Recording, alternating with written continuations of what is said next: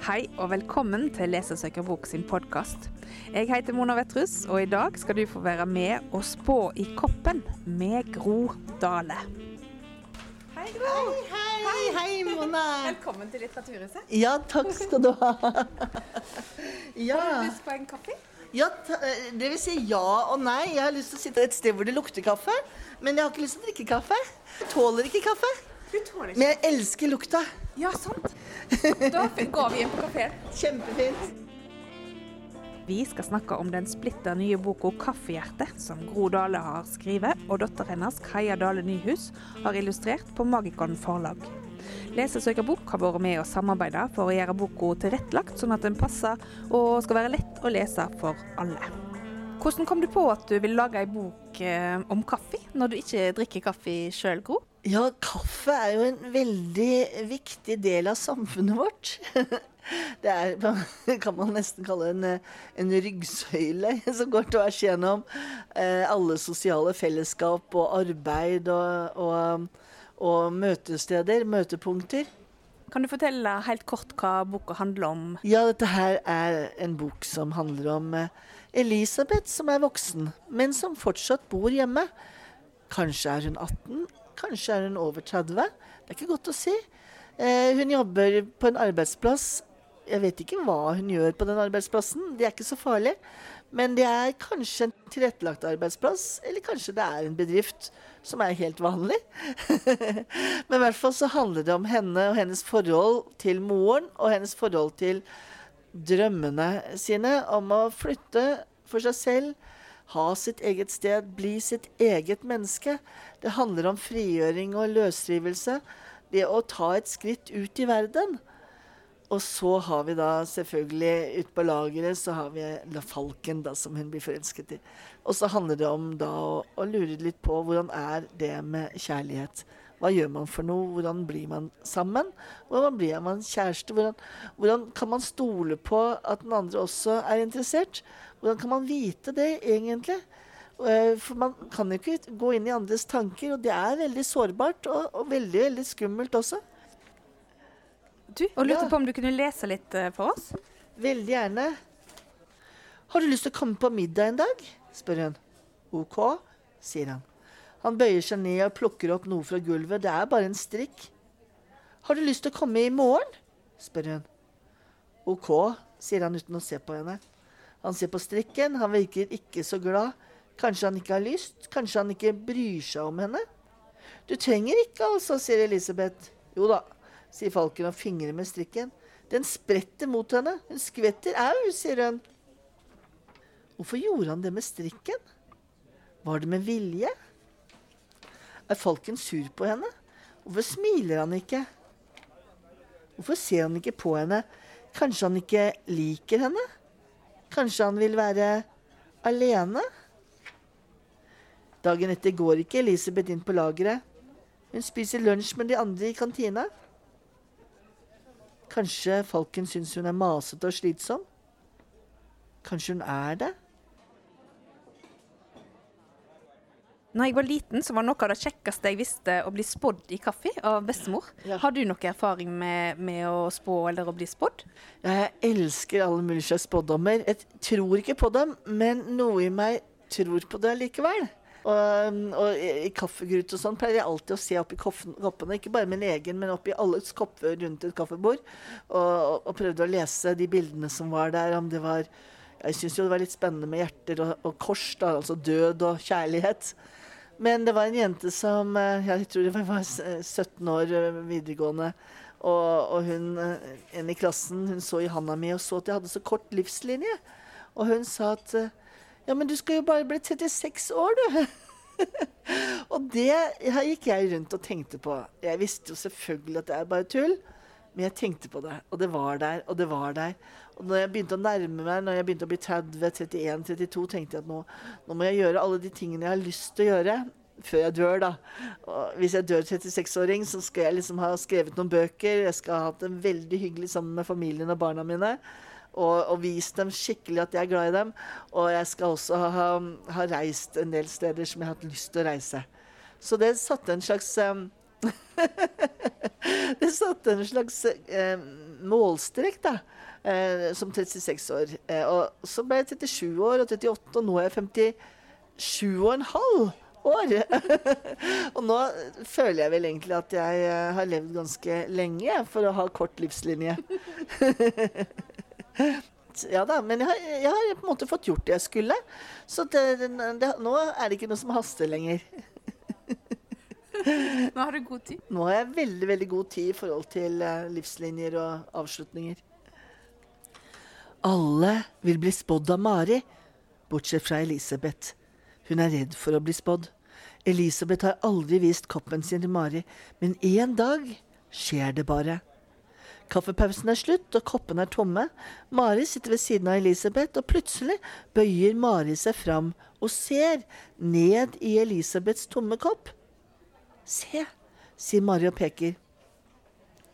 Et brunt, halvt oppløst kaffehjerte nederst i koppen. Det betyr kjærlighet hvisker Mari. Elisabeth blir varm på ørene og må se vekk. Du kommer til å møte noen, sier Mari. På vei hjem tenker Elisabeth på kaffehjertet. Hun tenker på det Mari sa. Kjæreste? Kanskje Elisabeth kommer til å møte noen?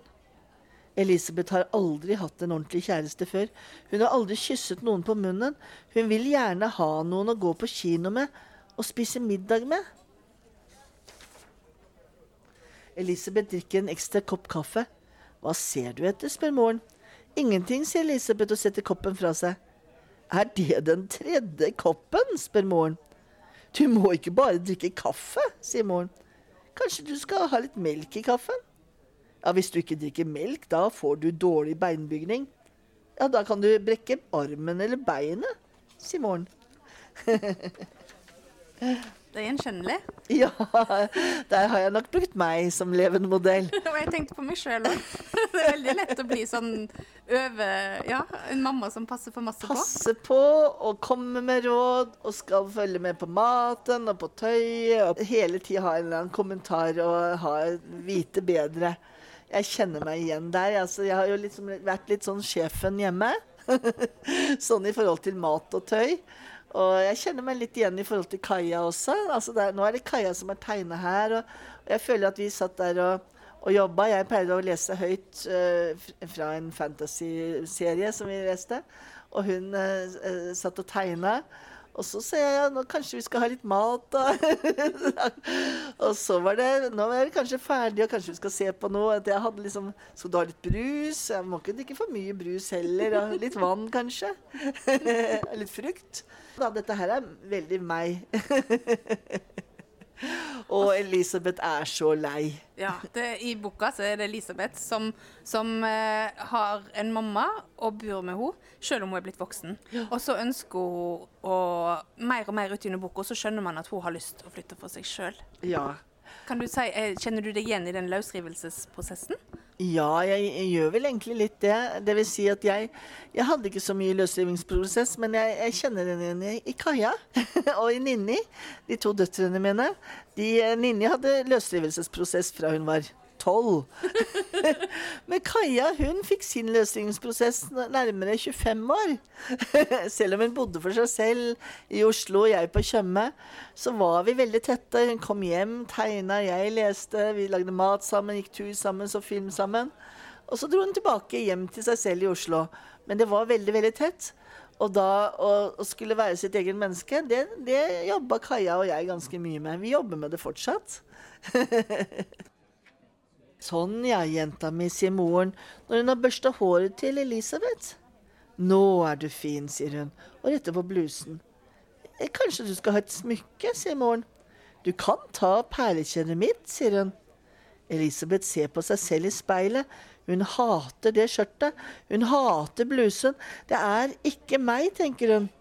Elisabeth ser på ansiktet, på nesa og haka, på tøyet og perlekjedet, og da ser hun det. Jeg ser ut som moren min, tenker hun. Hun ser ikke seg selv lenger. Hun ser bare moren. Er alt i orden? spør moren. Elisabeth sier ingenting, klemmer bare leppene sammen. Jeg lager litt kaffe, jeg, sier moren og går ut på kjøkkenet. Elisabeth river av seg skjørtet og sparker det under senga. Så tar hun på seg den mørke buksa og leter etter den røde genseren. 'Kommer du?' roper moren. Da ser Elisabeth skjorta etter faren. Den fine, fargerike skjorta.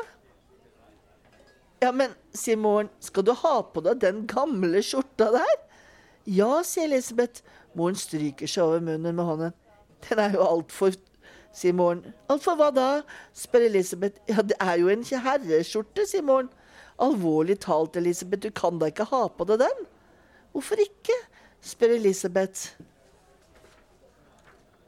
Du trenger ikke kjøre meg, sier Elisabeth, jeg tar bussen.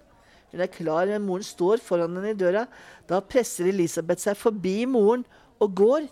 Jammen, Elisabeth, roper moren etter henne, du må ha på jakke. Men Elisabeth stopper ikke, hun går fort, rundt svingen, ut på veien. Skjorta flagrer i vinden. Hvordan syns du det har vært å, å lage ei bok i lag med lesesøkerbok? Ja, fantastisk. Så gode på tekst. Dere er så gode på tekst. Og det å få så fin, detaljert hjelp eh, med å gjøre teksten enda bedre for alle grupper, og enda reinere, enda enklere å finne eh, essensen, eller hjertet i teksten. Komme nærmere kroppen, nærmere det konkrete og sansbare. Det har vært så flott. Veldig, veldig veldig mange versjoner. Jeg er så glad for at dere har hjulpet meg med å få språket fram, slik at det blir enkelt å lese, lese men samtidig funke for alle typer lesere. Og Forrige torsdag så var du og leste 'Kaffehjerte' for eh, noen på Vidaråsen i Vestfold. Hvordan var det? Ja, Det var utrolig gøy. Eh, Vidaråsen eh, i Vestfold det er en landsby, eh, og der bor det 120 mennesker ca. Det er eh, forskjellige hus, og jeg tror de har det er en god del som bor der som jobber på tilrettelagt arbeid. Eh, de har psykisk utviklingshemning av forskjellige grader og forskjellig eh, livsløp, da, da, hvor de følger de, de, bor der hele livet igjennom. Helt fra de er små til de blir gamle. Så I den festsalen der, der var det nok ja, ca. 100 mennesker. Og, og, og, der leste jeg opp eh, Kaffehjerte med bilder på, på skjerm, eller på lerret. Og det var så utrolig fint. Det er en ganske lang bok, slik at vi brukte nok kanskje i overkant av en time på å lese hele boka. Og de satt der, og de satt der, og de satt der. De lo på de rette stedene. Og når det var om det, det seksuelle og erotiske, da var det helt, helt taust. han er ute av sin bukse også, men han har truse og sokker på fortsatt. De lener seg mot hverandre, kysser hun kjenner hånden hans stryke henne over hoftene. Han stryker framover, mot magen hennes. Hun holder magen inn. Han lirker hånden nedover, innover. Fingrene leter seg fram. det var jo Ja, det var jo litt erotisk, det. Ja, litt erotikk må vi ha i hverdagen. Og du, nå har jeg drukket opp eh, teen her. Skal vi prøve oss på? Ser du noe i flekkene som ligger igjen her nede? Og jeg syns det ser ut som uh, jeg syns det ser ut som en bølge som bryter mot en strand. Her tror jeg at du skal ut og reise. Til um, Jeg vil tenke Syden. Og jeg vil tenke Skal vi se, kanskje du skal langt. Maldivene. Oi! Så herlig. Takk skal du ha, Gro. Kjempefint. Tusen takk.